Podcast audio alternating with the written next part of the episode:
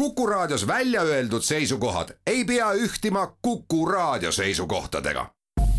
Te kuulate Kuku Raadiot.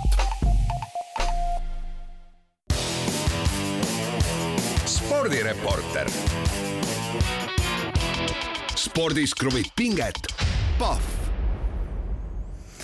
üksteist ja kaheksa minutit on saanud kell, täna on kahe tuhande kahekümne kolmanda issanda aasta veebruarikuu neljateistkümnes päev. tere kuulama spordireporterit järjekorranumbriga kakssada üheksakümmend seitse. kuulama kutsuvad teid Järve-Lott Tallinn, Susi Joosep Tartu. Haak sõna spordireporter töötab Twitteris nii nagu ikka, selle kaudu on võimalik esitada ja läkitada meile küsimusi, mõtteid, tähelepanekuid, millele vastamise võtame ette saate kolmandas osas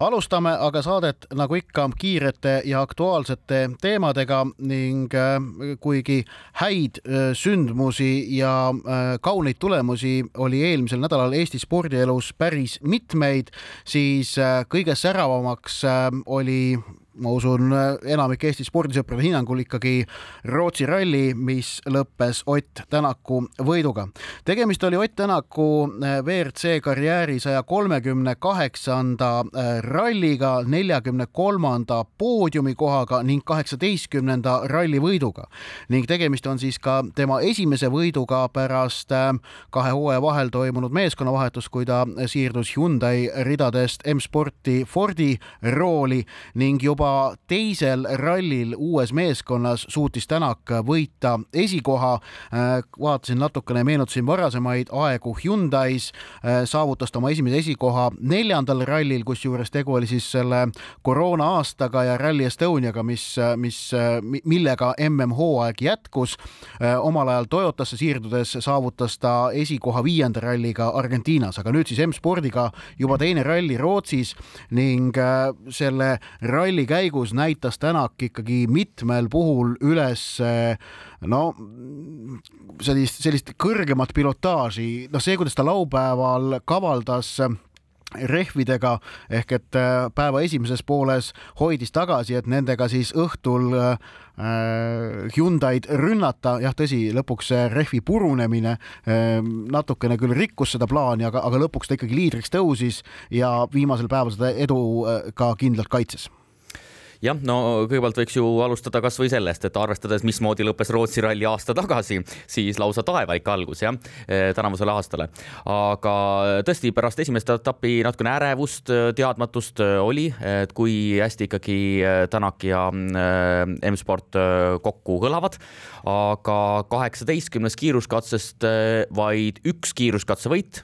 ja võita nii ralli, no see näitab juba, et tegemist on äh, väga kogenud sõitjaga, et siin ei ole midagi, nii äh, on äh, tavaliselt rallisid võitnud võib-olla Sebastian Ogier näiteks jah,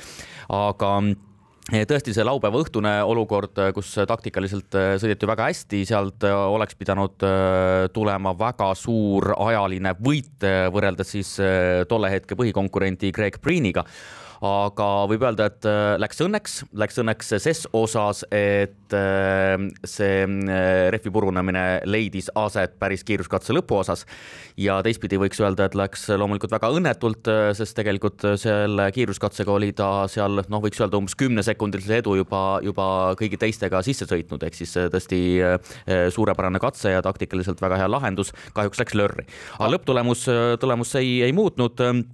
ja et, et, et noh, selle, selle tulemuse kvaliteeti tõstab veel just nimelt tõik, et äh, tegemist polnud Tänaku seisukohast perfektse ralliga, vaid, vaid ka temal äh, seal juhtus ikkagi noh, üks no. suur äpardus, aga vaatamata selle, jah, tõsi, juhtus, juhtus pea kõigil, aga, aga vaatamata sellele suutis ta sellest olukorrast niimoodi läbi tulla ja selle ralli ära võita. see, see näitabki taset, tõusis ka ralli M-sarja üldliidriks, sellepärast et Kalle Rovanpera leppis äh, neljanda kohaga ning, ning Tänakul siis kirjas viies ja esimene, Rovanperal teine ja neljas, noh, seal punkti katsepunktid tulevad juurde, aga, aga Tänakul hetkel siis kahe etapi järel nelikümmend üks ja Roomperal kolmkümmend kaheksa punkti nii et äh, see, see vahe, mis esimese etapi järel oli, on nüüd kinni nõelutud ja, ja ka mööda mindud. tõsi, Rovampere väitis, et äh, ta viimasel päeval enam meelega seal punktikatsel liiga palju ei surunud, et sest ta ei soovi Mehhikos, mis on järgmine MM-sarja etapp, esimesena rajale minna ja, ja teed äh, puhastada. noh, kas see oli tark otsus või mitte, eks sellest saab hiljem rääkida, aga, või see selgub hiljem, aga Toyota meeskond tervikuna oli Rootsi MM-rallil kahvatu ning äh, vaadates rahvusvahelist rallimeediat, siis sealt vaatab vastu selline äh, kummastus, et mis ikkagi Toyotaga juhtunud on, et kas nad äh, pärast eelmise hooaja väga head esimest poolt ikkagi pole suutnud enam Jari-Mati Latvala meeskonna pealiku juhtimisel nii-öelda selles arendustöös pedaali piisavalt põhjas hoida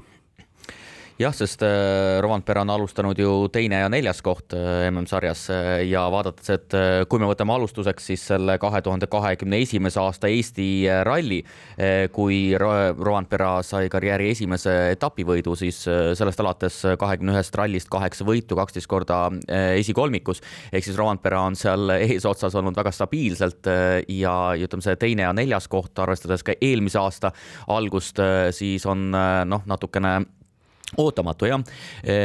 seda kindlasti, aga tuleksin korraks tagasi Ott Tänaku juurde ikkagi ja, ja minu arvates äh, härra Wilson, Ott Tänaku suur õpetaja ja, ja, ja eeskuju, sõnastas minu arvates selle ralli kokkuvõtte väga hästi. ehk siis M-sport ei ole kindlasti kõige kiirem auto praegu, ta ei ole kindlasti kõige parem auto praegu, aga tema sõnastus oli selline, et meil pole kiireim masin, aga tema kogemused, tema võimed olid need, mis meile võidu tõid ja ma arvan, et see on väga hea resümee. nüüd äh, tuleb vaadata, mis saab edasi, pluss kolm Kalle Roandperaga ja nelja nädala pärast sõidetakse Mehhikos ja nagu teada on, siis autoralli MM-sarja hooaja algus on selline nii-öelda kummaliste rallide ehm, äh, selline äh, faas ja sõidetakse siis kaks tuhat pluss üle merepinna ja seal, nagu me teame, Mehhikos võib kõike juhtuda, nii et eks ole näha. ja seal võib ka järve sattuda, nagu ühest ammusest ajast mäletame, aga see Roomperega on pluss kolm, äh, Thierry Neuvilliga, Hyundai esipiloodiga on pluss üheksa, kuigi Hyundai plaanide õnnestumise korral oleks see vahe olnud pluss kuus. ehk et Hyundai noh, tegi äh, täiesti loogilise tiimikorralduse enne viimast kiiruskatset, vahetas äh, Neuvilli ja Priini kohad ära, et Priin võttis meelega ühe ajatrahvi, aga Neuvill tegi viimasel katsel sõiduvea ja langes ikkagi kolmandaks tagasi, ei saanud teise koha punkte sellelt rallilt kirja ja no see Brinja ja Neuvilli kohtade vahetamine eh, tuletab paratamatult meelde selle eelmise hooaja ralli, kus, kus Hyundai keeldus eh, meeste kohti vahetamast eh, Tänaku ja Neuvilli kohti, siis olukorras, kus Tänakul oli veel teoreetiline väike šanss MM-tiitlit püüda. nii et eks see ei jäänud ralliringkondades tähelepanuta, et, et nüüd oli, ei olnud Hyundai'l mitte mingit probleemi sellise vahetuse tegemisega, kuigi jah, kahtlemata olukorrad ei ole analoogsed aga nad mõneti on sarnased no selles mõttes, et eh, praegune olukord on ju selline, et eh, tiimikorraldustega alustati maailmameistrivõistluste hooaja teisel etapil. no siin on see eh, vahe, et Priin ei sõida täisprogrammi, et, et ta on, ta on ja. ikkagi selline mees, kes käibki mõnedel rallidel kohal. jah, et olenemata sellest, et ta sai rall teise koha, siis Greg Green praegu juba kahe etapi järel Ott Tänakule kaotab ju kahekümne kahe punktiga, nii et nojah, see on, asi on selge. et selles mõttes loogiline, loogiline otsus, aga, aga no loomulikult äh, mingis mõttes ikkagi harukordselt naljakas, kuidas isegi selline asi äh, läbi kukub. tõsi, need vahed loomulikult Rootsi teedel lumevallide vahel sõites on väga väikesed, nii et mängida selle ajakaristusega täpselt on, on ikka tükk tegemist sellega. ja, ja vast et lõpetuseks, ralli osa lõpetuseks olgu veel öeldud, et äh, vaatasin ka päris, ütleme rohkem, kui ma tavaliselt MM-rallit vaatan otsepildis ja, ja need äh, lumised kiiruskatsed, see, kuidas seal autod nendel jäistel lumevallide vahel ligi kakssada kilomeetrit tunnis ikkagi lendavad, seda oli muljetavaldav on seda vaadata, kohati veel pimedas ka ju jah, ja eriti äh, minu arust teeb lummavaks teleülekannete vaatamise loomulikult see, kui saab olla seal sisuliselt noh, peaaegu, et äh, vaata, et näiteks Tänaku silme läbi vaadata seda ja et ühesõnaga minu arust see kaamera paigutus on minu arvates väga hea. nii, aga jätkame lumiste teemadega, aga nüüd räägime mitte lumel kulgevatest autodest, vaid püssiga suusatajatest just nimelt, teine teema, laskesuusatamise maailmameistrivõistlused ja siin on välja jagatud viis medalikomplekti ja see põhiküsimus ehk siis kuidas läheb Johannes Tinges-Pööl, eesmärk siis seitse maailmameistritiitlit aga praegu võiks öelda, et äh, kõik on läinud muretult, ehk siis kirjas on kolmest kolm. Ja kui vaadata siis äh, üldse rahvuste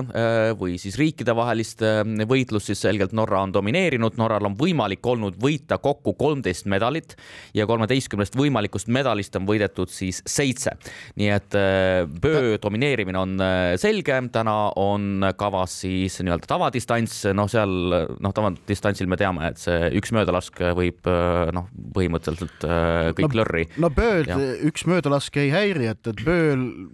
seal vist arvatakse, ta võib isegi vist kahe, kahe, kahe, kahe möödalasuga võib täiesti vabalt võita MM-tiitli siit jah. jah, jah, aga see Norra medalite osakaal ähvardab muidugi tänase võistluse järel olla veel suurem, sellepärast et meeste seas ikkagi Norra on väga selgelt domi-, domineerinud. et, et Sebastian Samuelson jälitussõidus pronksi kätte sai, see seal, no see, see oli kõva saavutus saavutus, aga noh, Norra meeskond on praegu väga võimsas voos. mis puudutab seda Böö seitset võimalikku kulda, siis mul on tunne, no mina nädala eest raadios ütlesin ju ka välja, mulle väga meeldiks ja mul on tunne, et, et üha enam inimesi arvab samamoodi nagu mina. ehk et seda halamist, et, et mis, mis nüüd, mis nüüd juhtub, kui Böö kõik võidab, see on pärast seda, kui on nähtud, kuivõrd võimas Böö praegu on, no see, mis ta jälitussõidus ju korraldas. see, see, see oli, see oli vaata, et eriti, eriti muljetavaldav, et, et seda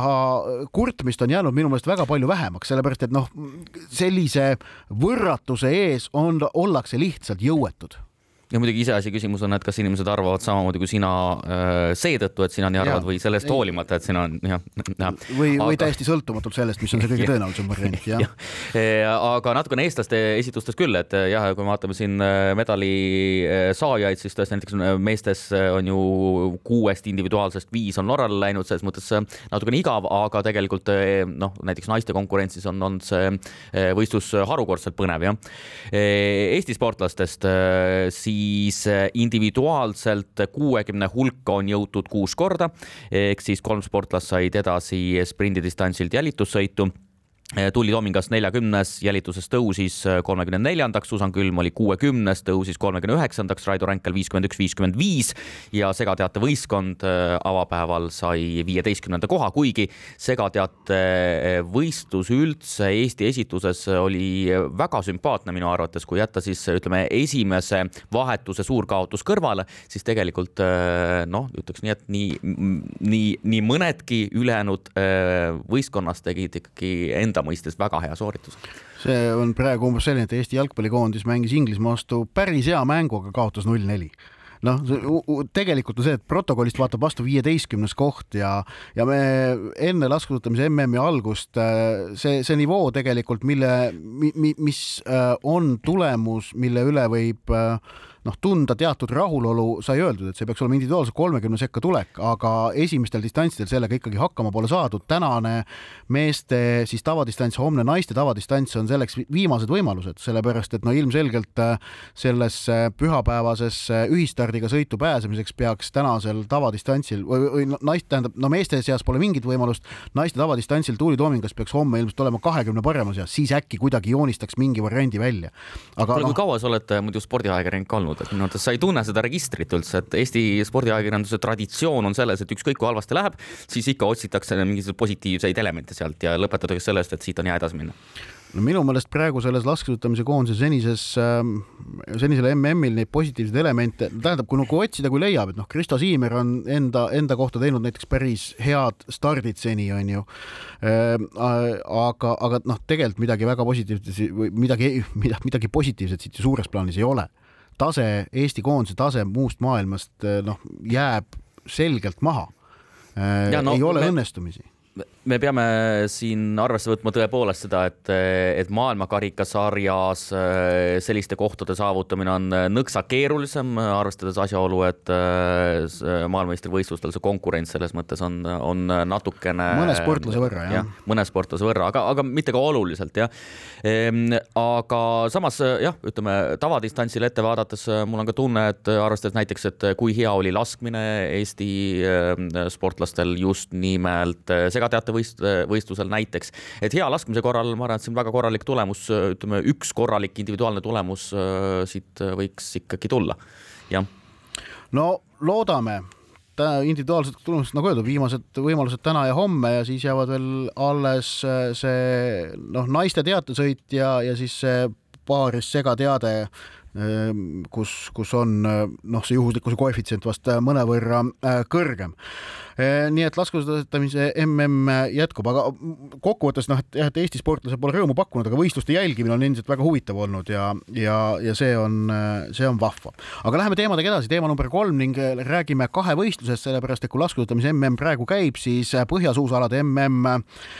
järgmisel nädalal Planitšas algab ning Eesti koondise selge esinumbrina sõidab Planitšasse kahevõistleja võistleja Kristjan Ilves, kes on maailmakarikasarja kokkuvõttes tõusnud viimaste heade võistlustega seitsmendale kohale. möödunud nädalavahetusel võistles Ilves Shonachis ning sai seal kolmanda ja seitsmenda koha. see on tal nüüd, see oli tegemist siis viienda ja kuuenda võistlusega järjest, kus ta MK-sarjas mahtus, MK-etapil mahtus seitsme parema sekka. tõsi, selle Schonachi etapi stardinimekirja vaadates siis torkab silma, et MK-sarjas neljandal kuni kuuendal kohal olevad mehed ehk et Jarl-Magnus Riiber, Franz-Josef Reerl, Vincent Skaiger, aga ka Ilvesest veidikene maha jääv Ryota Yamamoto seal tulemusi kirja ei saanud. ehk et kõik parimad eh, kohal ei olnud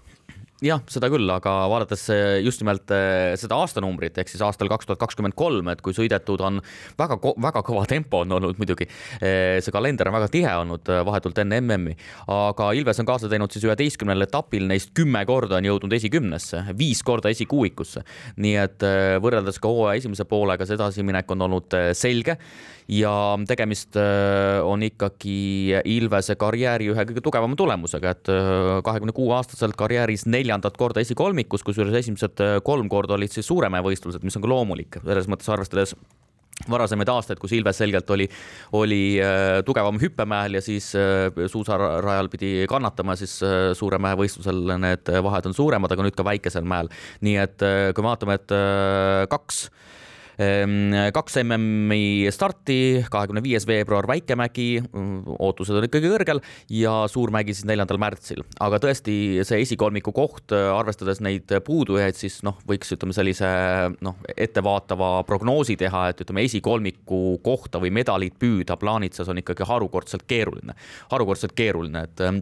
aga jällegi vaadates seda hooaja eh, dünaamikat ja vaadates ka Ilvese väljaütlemisi, mis on eh, pigem nagu rõhutanud eh, seda, et hüppemäel see kindlus on olnud järk-järgult üha tugevam, ehk siis ka kindlust andis kindlasti juurde ka see kolmas koht hüppemäel ja, ja kolmas koht kokkuvõttes. et no ütleme, selline esikuuiku koht peaks olema praegu nagu selline noh, noh võrdlemisi normaalne tulemus äh, Ilvese. Äh, ja ongi umbes niimoodi, et, et esikuuik äh, tundub täiesti nagu selline ootuspärane, aga esikolmik tundub jällegi väga kaugel olevat ikkagi praeguste põhjal, et, et või no, no üpris kaugel jah, ja ütleme, see paljuski põhiküsimus on ikkagi selles, et ta on neli nädalavahetust järjest startinud, mitu starti nädalavahetustel, vahepeal rääkisid, jätab ühe etapi võib-olla vahele, siis kuidas väsimus hakkab rolli mängima võrreldes ka nendega, kes etappe on vahele jätnud maailma maailmameistrivõistlustel, nii et eh, eks ole näha. aga lähme edasi. neljas teema ja kui meie räägime siin eh, põhjasuusaaladest näituseks, eh, siis muu maailm räägib hoopis sellest, et Ameerika jalgpalli profiliiga NFL-i meister on selgunud, ehk siis viiekümne seitsmenda Super Bowli võitis Kansas City Chiefs, kes alistas Philadelphia Eaglesi kolmkümmend kaheksa, kolmkümmend viis tänu heale lõpule nii et äh, Kansas City on äh, viimasel äh, noh, neljal aastal olnud viimasest neljast korrast kolm korda on Superbowlil mänginud ja kaks korda võitnud. sa räägid täiesti valedest asjadest, et kes mängisid ja, ja mis oli skoor, et Superbowli järel räägitakse esiteks, esiteks. tead, tead Ott, miks ma seda teen või no,? sest me leppisime nii kokku meil on spordisaade, eks ole, aga ja. tegelikult Superbowli järel tuleb rääkida reklaamidest, teiseks tuleb rääkida vaheaja esinejast, kelleks oli Rihanna sedapuhku ning kolmandaks mille järgi tegelikult Super Bowli äh, äh, väga olulisel määral hinnatakse, on telereitingud, niimoodi on Ameerikas kombeks, mitte selle järgi, kas mäng oli väga tasavägine, okei okay,, see noh, seda pannakse ka tähele ja see praegune mäng oli väga tasavägine, sest et võidukas skoor tehti alles kaheksa sekundit enne mängu lõppu. ja, ja üldse ei räägita sellest, kuivõrd kvaliteetne mäng oli, seda ei, seda, see, see on nagu täiesti kõrvaline. aga ei, nüansid tele... ei, nüansid ei jah, ei huvita sellise, kui me vaatame Eesti nii-öelda kultuurivälja eh, või ka spordivälja, siis on selge, et inimesed teavad väga hästi Super Bowli ja teavadki nende äh, tunnuste kaudu, kõik nagu teavad, kes on Rihanna, teavad, et Super Bowl on mingi tähtis võistlus, aga sportlik pool Eestis ega väga paljusid tõesti ei huvita. ja aga telereitingud sedapuhku Super Bowlil olid väga head, USA-s kogus see sada kolmteist miljonit televaatajat, mis muudab ta viimase kuue aasta kõige vaadatumaks Super Bowliks. nii et selles mõttes NFL oli oma Äh, hittüritusega kahtlemata rahul. nüüd meil on saade esimene osa väga pikaks läinud, teeme pausi. spordireporter. spordis kruvib pinget, Pahv spordireporter jätkab korvpallilainel. BC Kalev Cramo alistas FIBA Eurocupi K-vahegrupi viimases kohtumises Hollandi klubi Den Bosch'i seitsekümmend kolm, kuuskümmend kolm ja pääses klubi ajaloos esimest korda eurosarjas veerandfinaali Ott Järvela võttis ühendust Delfi ajakirjaniku Ats Kuldkepiga ja päris, kuivõrd olulise märgilise saavutusega on tegemist. Ats vastas nõnda. tegemist oli kindlasti eneseületusega, et kui me võtame need klubid, kelle vastu on Kalev Cramo sel sügisel ja nüüd ka talvel mänginud, siis ma julgeks öelda, kõikide eelarve on Kalev Cramost suurem, mitmel juhul mitmekordselt, et mul ei, mul ei tule küll alagrupis ega nüüd siis ka vahegrupis pähe ühtegi võistkonda, keda saaks nagu otseselt Kalev Cramoga võrrelda rahaliste vahendite poolest. ja nüüd äh, sama käib ka selle veerandfinaali vastase Bamberi kohta, kellel on äh, puusalt pakuks neli-viis miljonit eurot eelarve kindlasti, kindlasti eneseületus aga millega mm, Kalev Cramo need võidud siis äh, ära võttis ja, ja kaks korda alagruppidest läbi läks ja kusjuures enne alagruppe oli vaja ju ka läbida see valik, valiksõel? no kõige alus on ikkagi kaitsemäng ja omakorda selle alus on äh, peatreener Eiko Rannula õnnestunud äh, komplekteerimine, ta teadis juba suvel, et, et millisena ta tahab võistkonda näha, alustas isegi tagaliinist, valis sinna kiirete jalgadega, kiirete kätega, kõrge töövõimega tagaliini mehed, mõned välismaalased, mõned eestlased. Ja sealt on see nii-öelda rong kogu aeg äh, pihta hakanud, et ka selles otsustavas mängus eelmisel nädalal, kust tuli see murrang nii-öelda mängu, tuli ikkagi kaitse pealt ja lõpuks ütleme, ma ei tea, kas need olid nüüd õnnega, aga lõpuks läksid ka visked sisse. ma ütleks, et see kaitse annab Kalev Cramole niisuguse kindla pinna, niisugune kindla äh, aluse, mille pealt üldse kogu mängu üles ehitada ja neid võite võtta. aga ometi on ju koosseisus olnud läbi terve noh, siis sügise ja talve ikkagi omajagu sunnitud muudatusi, et, et vigastused on ju ka Kalev Cramot siin päris tugevalt häirinud. et, et vaatamata sellele on siis Rannula suutnud selle koosseisu ikkagi mängima panna. võib-olla nende vigastuste osakaalu ja, ja tähtsust on isegi võib-olla ülehinnatud natuke, et kui ma rääkisin enne eelmise nädala mängu füsioterapeut Priit Lehismetsaga, ta ütles, et tegelikult pole midagi hullu. suurem osa mängijaid on äh, saanud enamikku trenne kaasa teha, mõni pole isegi ühtegi trenni kogu hooaja jooksul vahele jätnud. Need vigastused, ütleme, nad on küll seganud, aga võrreldes ütleme tavalise hooajaga, keskmise võistkonnaga pole siis midagi hullu. mõnel mängijal jah, siiamaani vigastused annavad tunda, kui tuleb koondise paus, nad vajavad väikseid protseduure, väikseid süste aga nii õudne see asi ei ole, et kõik mingi panuse saavad ikkagi anda ja koosseis on ka ikkagi üsna, üsna ühtlane. no Heiko Rannula aktsiad peatreenerina Eesti korvpalliturul pärast eelmisel hooajal Pärnuga võidetud Eesti meistritiitlit on niikuinii kõrged, aga kas nüüd see eurohooaeg on neid tõstnud veel kõrgemale ja, ja siis jällegi proovi veidikene palun sõnastada, et kui kõrgele? ütleme, FIBA Europe Cup on niisugune tase, kus kõik kõrgema tasemega tiimid kindlasti ei jälgi seda, aga paljud äh, kindlasti. kui me vaatame, kus Rannul on varem saanud oma taset näidata, siis see on ainult Eesti-Läti liiga ja Eesti meistrivõistlused, Eesti karikavõistlused, ühesõnaga väga kitsas, kitsas piirkond, kuhu ütleme, rikkamate klubide ninamehed oma pilku ei heida, et nagu alguses sai räägitud, nende vastaste, kelle Kalev on alistanud, nende eelarve on äh, oluliselt suurem, kindlasti nad vaatavad, et see mees teeb äh, piiratud vahenditega väga head asja. alustuseks mingi madalama eurosarja tasemel mängiv klubi oleks talle äh,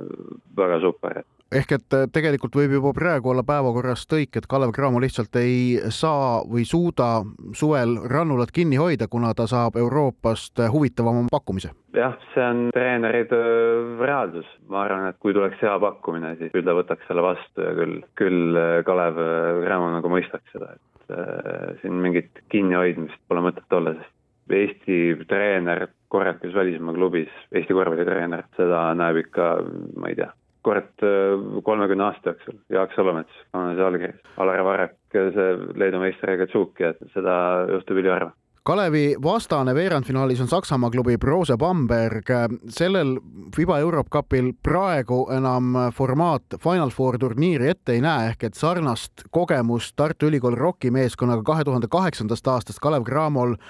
kogeda pole võimalik, sellepärast lihtsalt võistluste formaat seda ei võimalda, aga, aga kuidas võrrelda nüüd Kalevi praegust saavutust, mis on veerandfinaali jõudmine, tolle kahe tuhande kaheksanda aasta Tartu ROK-i äh, finaalnelik tuleviku turniirile jõudmisega, mis oli, ütleme, toonase kümnendi vast Eesti klubikorvpalli üks kõige kõvemaid saavutusi? Tartu saavutus on kahes mõttes tugevam ja parem, esiteks toona oli tegu tugevalt kolmanda eurosarjaga, praegu Kalev mängib neljandas, pluss siis ütleme, see koht on ka, eh, vähemalt eh, seni on eh, Tartul parem, eks ole, jõuti nelja sekka Kalev pole veel hetkel sinna jõudnud. sinna Tartu saavutuse kordamiseni läheb veel aega, ma arvan, et Kalev Cramo peaks ikkagi finaali pääsema, et midagi, midagi võrreldavat nendel kahel aastal siis kaks tuhat kaheksa ja kaks tuhat kakskümmend kolm olla nõnda rääkis siis Ats Kuldkepp ja tõesti, kui ma mäletan äh, Tartu pääsemist Final Fouri äh, Üllar Kerde käe all, siis eufooria Eesti spordis oli päris suur ja, ja ma mäletan ka Üllar Kerde reaktsiooni äh, pärast seda Final Fouri, et isegi legionärid olid näost valged, et ikkagi närvipinge oli väga suur. aga nagu Ott ütles, siis äh, FIBA Euroopa karikal äh, veerandfinaalid, poolfinaalid ja finaal mängitakse kõik kodus võõrsil printsiibil ja Kalev Cramo veerandfinaalkohtumised Bambergiga leiavad aset siis kaheksandal ja viieteistkümnendal märtsikuu päeval. spordireporter. spordis kruvib pinget, Pahv spordireporter jätkab, Joosep Susi jätkuvalt Kuku raadio Tartu, mina Ott Järvela Tallinna stuudios ning meie saate kolmas osa kuulub, nagu meil ikka kombeks on, kuulajatelt laekunud küsimustele. alustame Sandri küsimusega, mis puudutab tennist. Anett Kontaveit pole nüüd enam maailma edetabeli top viiskümmend mängija. kas see tähendab, et kahe tuhande kahekümne esimese aasta sügis ja maailma edetabelis teiseks tõusmine oli juhuslikumat laadi sähvatus ning tema tegelik tase esikümnes ei ole? No mina alustaksin äh, sellest, et äh, ikkagi äh, tipptennises võiks vaadata otsa Suure Slami turniiridele, tulemustele, et kui vaadata, et võrdlemisi edukas oli kahe tuhande kahekümnes aasta, kus ta siis kolmest Suure Slami turniirist korra jõudis veerandfinaali, mis ongi ta ainus veerandfinaali pääseja, korra neljandasse ringi, pärast seda üheksa Suure Slami turniiri, kaks korda on piirdunud esimese ringiga, neli korda teise ringiga ja kolm korda kolmanda ringiga. et neljandasse ringi pole siis pärast kahe tuhande kahekümnendat aastat jõudnud ja üldse karjääri karjääris ju neli korda ainult neljandasse ringi ja, ja, ja korra veerandfinaali. et Suure Slami turniiridel pole seda edu tulnud, nii et noh, see on üks vaade sellele aga teine küsimus ikkagi see periood, kui äh, Kontaveit äh, võiks öelda, et ikkagi domineeris naiste äh, üksikmängu, siis ütleme sellist üleolekut isegi või sellist noh, ütleme võitude seeriat ega niisama naljalt ju viimastel aastatel üldse kellelgi esituses ei näe. et see oli ikkagi noh, väga tähelepanuväärne nii-öelda sähvatus, aga kas see jääb ainukordseks, kas koht peaks olema esikümnes? no praeguseid tulemusi vaadates, viimaseid tulemusi vaadates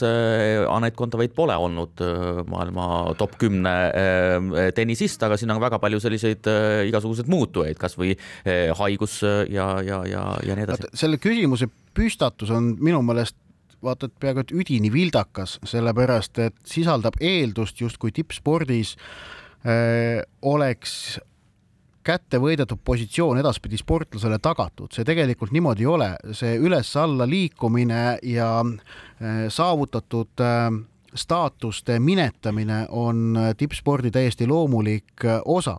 ning Anett Kontaveidi tõusu maailma tippu, mida maailma teiseks reketiks olemine kahtlemata on ja ta ei olnud seal mingi nädal või kaks, vaid ta oli seal pikalt. see ei olnud mingi juhuslik sähvatus, vaid see oli järjekindla töö tulemus, mis oli täiesti ausalt ja igatepidi välja teenitud. kahjuks terviseprobleemid ei võimaldanud Kontaveidil eelmisel aastal seda maailma edetabeli teist kohta noh, sportlikus mõttes eriti nautida, et ta, ta, tal ei olnud võimalik äh,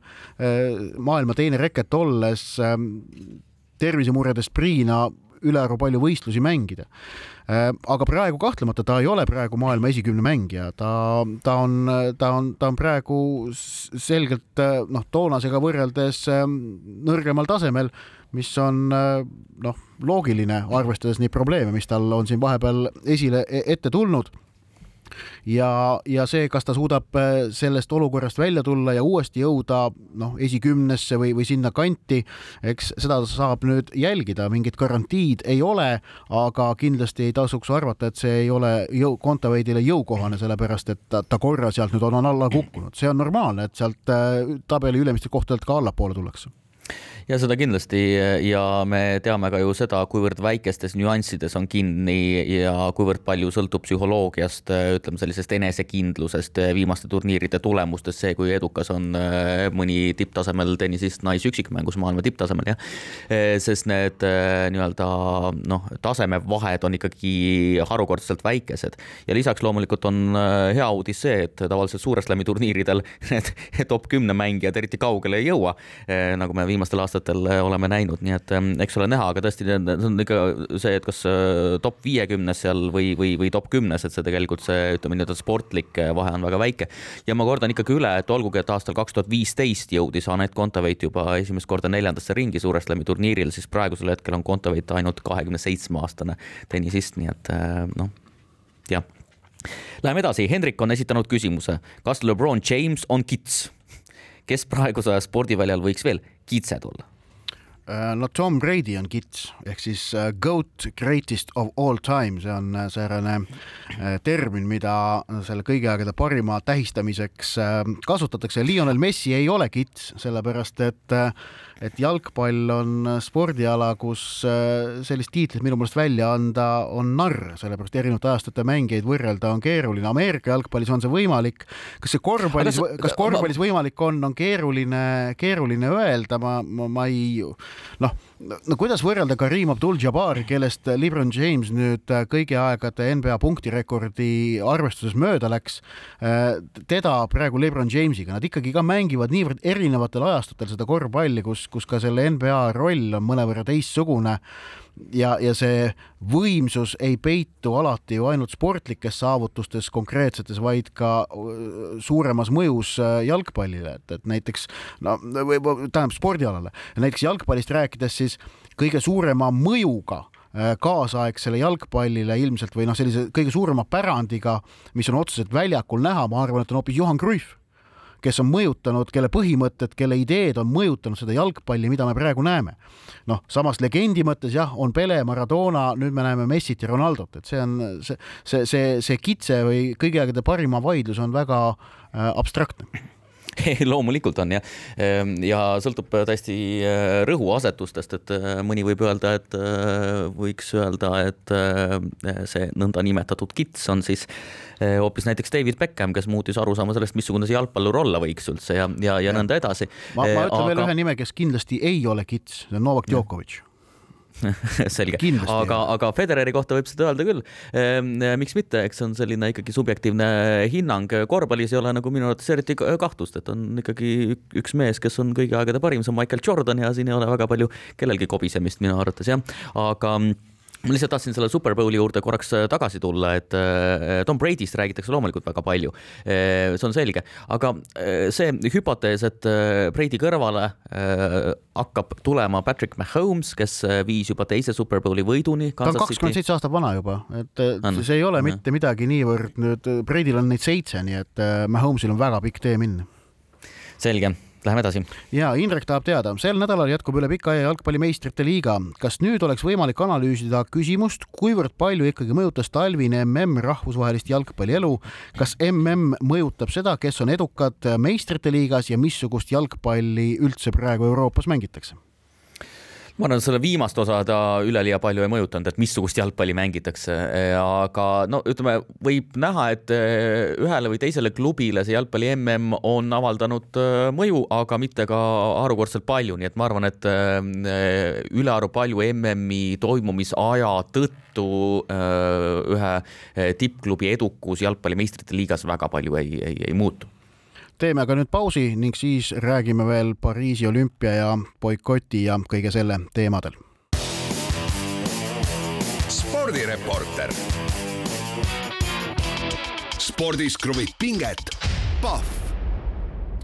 spordireporter alustab oma lõpusirgega ning äh, läheme juttudega teema juurde, mida me siin viimasel ajal juba iganädalaselt puudutame. rahvusvahelise olümpiakomitee kahe ja poole nädala tagune otsus, millega nad avasid äh,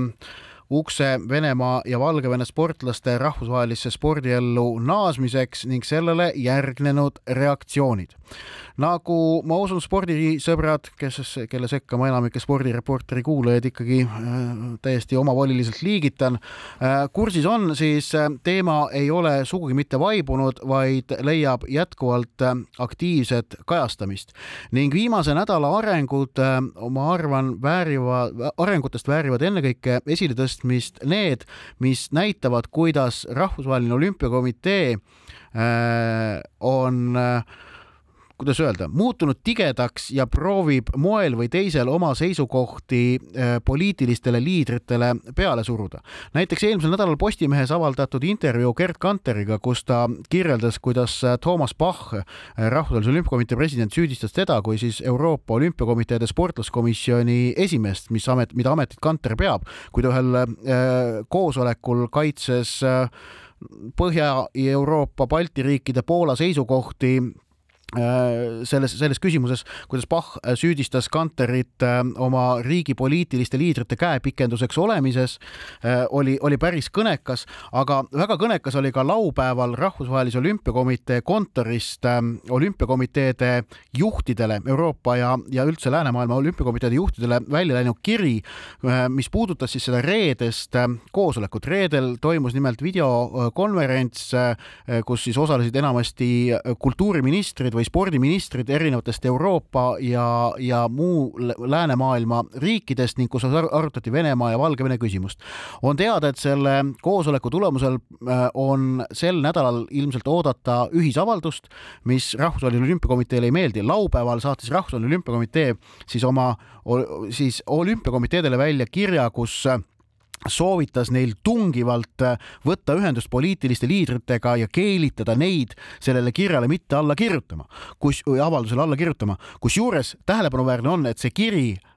osa, need kolmkümmend kuus riiki, kes seal osalesid, on Rahvusvahelisele Olümpiakomiteele teada, aga sugugi mitte ei läinud see kiri kõikide riikide esindajatele. näiteks äh, Skandinaavia, Põhjamaad ja Baltimaade olümpiakomiteed seda kirja ei saanud, aga, aga Euroopas näiteks Holland ja, ja noh, e, e, ütleme Kesk-Euroopa kandis sai ehk et meid peetakse nii-öelda lootusetuks juhtumiks Rahvusvahelise Olümpiakomitee poolt. aga see on selline järjekordne näide silmakirjalikkusest, mis Rahvusvahelist Olümpiakomiteed ja, ja Toomas Bach iseloomustab